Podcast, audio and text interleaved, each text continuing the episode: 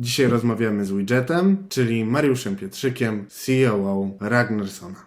Cześć Widget. Cześć Dawid, jest mi bardzo miło. Siema wszystkim. Wybrałeś biznes, czyli podjąłeś wyzwanie. Wyzwanie, które wiedziałeś, że będzie wymagało od ciebie sporo pracy nad sobą. I wydaje mi się, że mm, zaryzykowałbym takie stwierdzenie, że ty chyba lubisz takie wyzwania, lubisz pracować nad Mhm. sobą. Wiemy w Mhm. Ragnarsonie wszyscy, że dużo uwagi poświęcasz na to, żeby pracować nad swoją wydajnością, nad tym, jak pracujesz. E, Mhm. Eksperymentowałeś z wolnymi środami od pracy. E, mnóstwo czytasz. Bardzo podobają mi się takie tematy produktywności. Tak naprawdę pod względem książek, to dużo książek jakby e, było z tej tematyki. Podobają mi się nowe narzędzia. Rozkminianie, czy te narzędzia pasują do mojego workflowu, czy poprawiają coś, czy nie. Więc jakby to zawsze mnie ciągnęło do takich productivity tips. Czytałem dużo książek w tym temacie. Okej, no to jest, to jest spoko, że to dodałeś. Mi się też kojarzy jakby z naszych e, one-on-one'ów e, dużo rzeczy, które zwłaszcza na początku mi podpowiadałeś, to były właśnie tam, że ty masz blokadę na fejsika e, Mhm. i, i na takie inne rzeczy, żeby cię nie rozpraszały, czyli to jest coś takiego, mam wrażenie, że to jest taka troszkę cecha może deweloperów, że oni starają się w pewnym sensie bardzo zoptymalizować sobie wydajność pracy, ale Mhm. u Ciebie to jest w ogóle na, na całkowicie innym levelu. Tak, e, takie Myślę, że to wyszło, że to wyszło z programowania i też ta chęć właśnie używania nowych tuli, które tam poprawiają coś o, o 3%. Nadal mi się to podoba i nadal mnie to kręci. I jakoś jest to podobne do programowania. Programujemy po prostu nie aplikację, nie jakiś kawałek kodu, tylko swój workflow. Po prostu podobają mi się takie tematy optymalizacyjne. Mi dużo pomogłeś, jeżeli chodzi o ustawienie sposobów, w jaki ja pracuję, tak? No, zawdzięczam Ci sporo. Natomiast zmierzam do miło tego, że Bardzo miło słyszeć. no, przyjemność jest cała po mojej stronie. E, natomiast zmierzam do tego, że jakby widzę tutaj taką część wspólną we wszystkim. Powiedziałeś, że wybrałeś Ruby, e, bo podobało Ci się to, że mm, on wymaga odpowiedzialności, jakby je, jest ostrym nożem, daje Ci dużo e, możliwości, tak?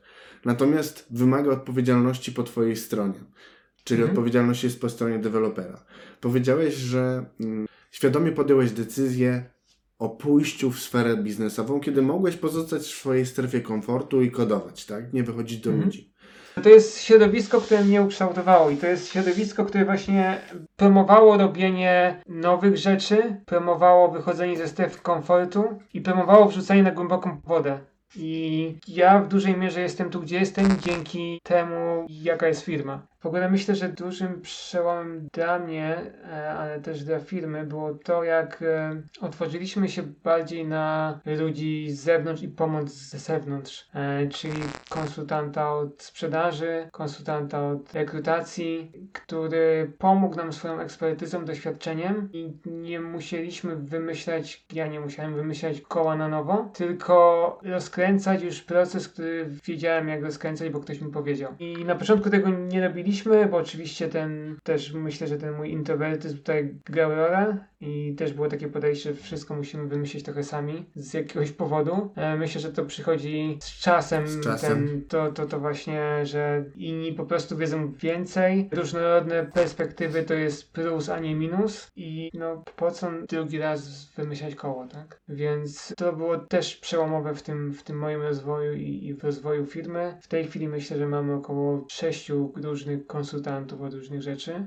I od każdego z nich czegoś się uczysz? i od każdego z nich czegoś się uczę, natomiast też mamy już konsultantów, którzy sami pokrywają całe tematy. Ja postrzegam e, bycie CEO jako takim byciem backendem firmy. Też przejście do, do tej roli, w której jestem, wymusiło na mnie trochę optymalizację tych wszystkich rzeczy moich wewnętrznych, bo z drugiej strony miałem jeszcze więcej różnorodnych tematów zrzuconych na mnie, więc no, to była konieczność po prostu, żeby wszystko to pogodzić ze sobą. Czy ty myślisz, jakby planujesz swoją karierę dalej poza Ragnarsonem? Wybiegasz tak w przyszłość i myślisz sobie, okej, tam powiedzmy za 5 lat, jak Ragnarsona już, nie wiem, rozkręcimy do poziomu X, to ja wtedy wyjdę i będę szukać e, stanowiska CEO, nie wiem, w jakiejś wielkiej korporacji albo, albo mm, stanę się samodzielnym inwestorem czy czymś takim, czy jak, jak na to patrzysz?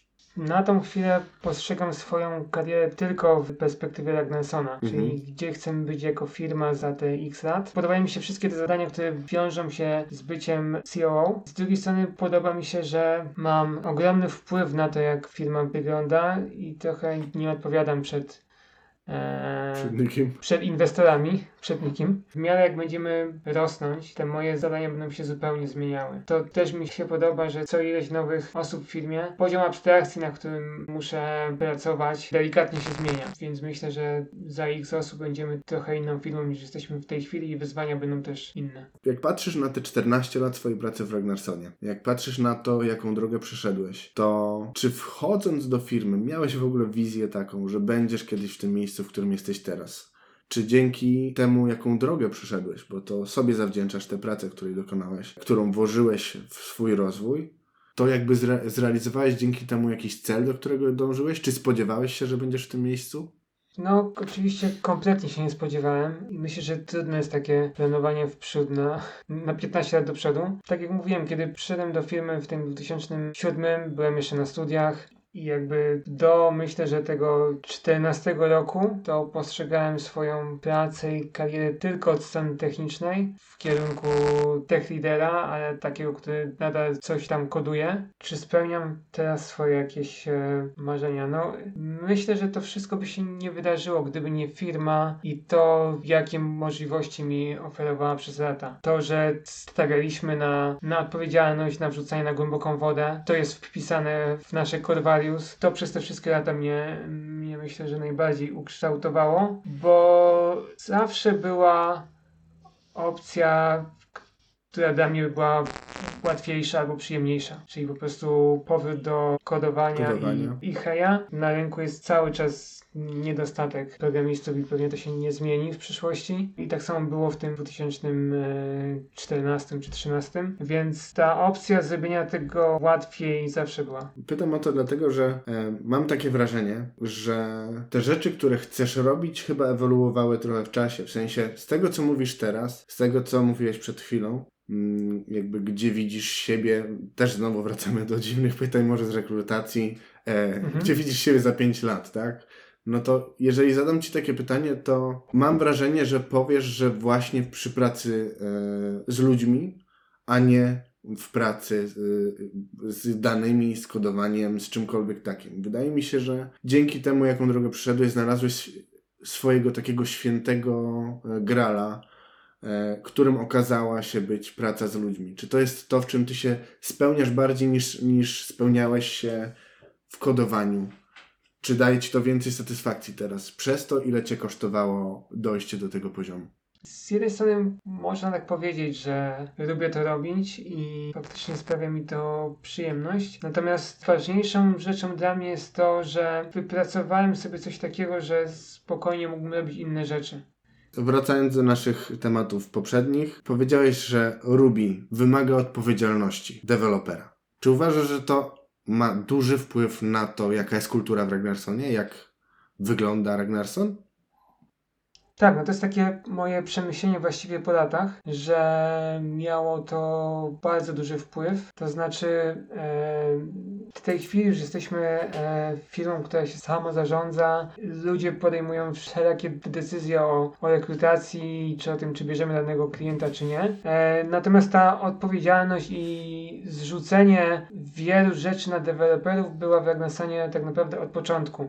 Według mnie wywodzi się trochę z z języka Ruby, gdzie no, również dużo odpowiedzialności jest na, na deweloperze i wrzucany jest on na taką głęboką wodę. Na przykładzie naszej organizacji, no to można by to porównać z firmą hierarchiczną, gdzie jest jakaś drabinka, gdzie deweloperzy robią odtąd dotąd, resztę robi designer, project manager, jest cała grupa ludzi, którzy odpowiadają za różne rzeczy. Natomiast w tej strukturze, którą my mamy, w płaskiej strukturze, więcej tych obowiązków jest na ludziach, przez co oni też rozwijają się szybciej. Nie są odizolowani od, od różnych rzeczy związanych z developmentem. Czyli ta charakterystyka Ruby jako języka wpływa generalnie na to, jak się pracuje, tak? E, Nie tyle, mm, nie tylko po stronie e, deweloperów u nas w firmie, czyli jakby zaczyna się od, od, e, od deweloperów, od tego, mm, jakby czego wymaga od nich cały system, cały, cały Mhm. język, Mhm. a potem ma to przełożenie na to, jak pracują. M- Myślę tak, że to podejście języka, że traktuje deweloperów jak dorosłych ludzi, przełożyło się na to, jak, em, jak zbudowany jest Ragnarson i że nie trzeba ludzi zmuszać do rozwoju, tylko dać im odpowiedni kontekst, troszkę może popchnąć i oni robią to sami, bo są odpowiedzialni, bo wiedzą, że to jest istotne i jeśli nie, to zostaną w tyle. I myślę, że to dokładnie wychodzi z filozofii Rubiego. Ta odpowiedzialność z kolei jest znowu tym takim mm, fundamentem, na którym budujemy inne rzeczy w Ragnarsonie, jak na przykład to samo zarządzanie. I dzięki temu, że mamy tą odpowiedzialność, to możemy podejmować decyzje i to samo boostuje nasz rozwój. Tutaj pojawia się moje pytanie, czy to, co wypracowałeś w firmie, czyli to, jak systematyczny jesteś w pracy, jak e, potrafisz sobie radzić z różnymi sytuacjami, czy to ma wpływ na Twoje życie prywatne? Czy pomaga Ci na przykład w osiąganiu celów? Bo na przykład e, niedawno możesz się pochwalić e, dużym osiągnięciem, przebiegłeś maraton w Berlinie, tak? Tak, zgadza się. Myślę, że to się przekłada na to, na to życie prywatne ogólnie. Bardzo długo chodziłem na siłkę przed pandemią, regularnie przez, przez ponad 8 lat. Jakby to się nie odbiło za bardzo na mojej muskulaturze, ale było to, pozwoliło mi to zbalansować te 8-10 godzin siedzenia przed komputerem albo, albo na kanapie w pozycji embrionalnej, też przed komputerem, więc to była taka, taki balans. No a po pandemii, e, czy tam w czasie pandemii, faktycznie te siłownie były, były za zajęte, więc trochę zainteresowałem się bieganiem i też mam coś takiego, że motywują mnie raczej większe gole niż mniejsze. Okej. Więc e, w 2020 zdecydowałem, że pobiegnę w tym maratonie. Ten został odwołany, więc przepisali mnie na 21 i to Pierwszy. faktycznie się wydarzyło. Super, Eee, gratulacje. Jak, e, jak poszło z czasem? Miałem 4,53 chyba. No, dużo mniej niż zakładałem, no ale cieszę się, że przynajmniej dobiegłem. No, ja Cię podziwiam. Jesteś szefem, jesteś, Mhm. e, m, powiedziałbym, tytanem, ale nie tyranem pracy.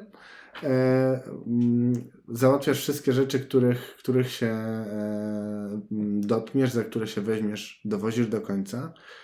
E, jakie to ma przebicie, jakie to ma odzwierciedlenie na tym, jaki jesteś w domu? Na przykład, czy jesteś taki aktywny, systematyczny, na przykład w ramach swojego hobby? Jakie jest Twoje hobby? Czy jestem systematyczny, to pewnie, pewnie nie. Natomiast robię takie mm, dużo takich rzeczy e, do it yourself. Czasami tak jak e, w pracy staram się nie schodzić bardzo nisko, jak schodzimy nisko w problemie, to zwykle się zakopujemy w nim i całość się nie przesuwa do przodu. Tak Mhm. e, w moich hobby zwykle, zwykle schodzę nisko. Em, czyli jak parę lat temu zacząłem wypiekać chleb, piekarniku w domu, to oczywiście stwierdziłem, że w long termie to, to nie jest to i muszę zbudować e, piec chlebowy gdzieś tam na działce i no dobrze, no to jak, jak zrobić płytę fundamentową, jak jakby mm, potem zrobić stół, jak zbudować iglo, w jakich materiałów użyć, więc e, w takich prywatnych rzeczach to faktycznie lubię jednak schodzić, e, schodzić do, do, dość nisko. Tutaj w pracy z jednej strony e, znowu jesteś ogarniaczem, e, a po godzinach, kiedy zamykasz komputer, wychodzi z ciebie artysta i, i artysta piekarz i pieczesz, e, pieczesz, pieczesz chleb. Czy robisz coś jeszcze poza tym? W sensie powiedziałeś, że robisz dużo rzeczy DIY. E, Mhm. Coś jeszcze poza pieczeniem chleba? Tak, no hobbystycznie e, oczywiście bawię się jakimiś e, e, Raspberry i, i jakąś automatyką domu, e, Mhm. czy to jakieś hobbystycznie piszę sobie e, aplikacje, które potem w pracy mi u, ułatwiają jakoś flow albo ułatwiają flow innym osobom. Robię trochę rzeczy w drewnie, ale to też tak od, e, od wielkiego strzału, jakiś mały stoliczek, więc e, to jest chyba takie właśnie znowu znalezienie balansu pomiędzy robieniem trochę rzeczy nie fizycznych w pracy, a, a fizycznych potem gdzieś tam po, po godzinach. jak już jesteśmy w ogóle przy tym balansie, to czasem mam wrażenie, że kiedykolwiek do ciebie nie napiszę na Slacku, to ty zawsze jesteś w pracy. I zawsze jesteś dostępny, zawsze e, można na ciebie liczyć. I zastanawiam się, będąc na takiej wysokiej pozycji, jak rozdzielasz pracę od życia prywatnego? Mhm. Jakby kiedyś było to łatwiejsze, a kiedyś to znaczy przed tym, jak e, stałem się ojcem, e, no bo jakby tych zewnętrznych zobowiązań było dużo mniej e, Mhm. i wtedy miałem jasną granicę, kiedy pracuję, a kiedy nie. Teraz e, w nowej sytuacji trochę się jeszcze cały czas odnajduję, e, a to znaczy, że w ciągu dnia są godziny, kiedy nie pracuję, a potem staram się nadrobić to, to po wieczorach. Czy jest taka jakaś moja Złota zasada. złota zasada? Bo bardziej myślałem, czy jest taka moja odskocznia. No myślę, że bardzo lubię spędzać czas e, z, ze swoją rodziną, ale też ze znajomymi. Odkąd pojawiło się dziecko, dużo zaczęliśmy jeździć po, e, po bliższej, dalszej rodzinie e, Mhm. i, i to, to jakoś e, ostatnio zaczęło mi sprawiać dużo przyjemności. Natomiast e, złotej, złotej zasady produktywności chyba podziału tego czasu nie mam. Wydaje mi się, że każdy powinien mieć taką swoją odskocznię i fajnie, że powiedziałeś nam trochę o swojej. Podsumowując całą tą naszą rozmowę, wydaje mi się, że w tym momencie mamy e, obraz takiej pełnej transformacji ciebie jako człowieka i profesjonalisty, tak? E, Który wszedł do, do organizacji mm, jako e, introwertyk, z, skupiony na, na programowaniu, a teraz okazujesz się, ukazujesz się jako, jako e, wszechstronny, turbo zorganizowany działacz, który ma mega ciekawe hobby. Widget, bardzo Ci dziękuję za naszą rozmowę i myślę, że można śmiało powiedzieć, śmiało z niej wywnioskować, że Ragnarsson dał Ci bardzo dużo, że dużo z niego wyniosłeś, dużo dzięki firmie udało Ci się osiągnąć, ale nie można nie wspomnieć też o tym, jak wiele Ragnarsson zawdzięcza Tobie. Jak wiele my wszyscy w Ragnarsonie e, zawdzięczamy temu, że mamy Ciebie na pokładzie. E, no i cóż więcej. E, bardzo dziękuję za rozmowę. Ja również bardzo dziękuję za rozmowę, za te wszystkie miłe rzeczy, które powiedziałeś. No i też dziękuję całej ekipie Ragnarsona i, i ludziom, którzy się przewinęli przez Ragnarsona, którzy budowali i budują tą firmę z nami. Super. Bardzo fajne słowa. Tym z Was, którzy dobrnęliście do tego momentu, do końca naszej rozmowy, bardzo dziękuję. E, I zachęcam Was do zostawienia łapki w górę i do subskrypcji naszego kanału. I czekajcie na więcej.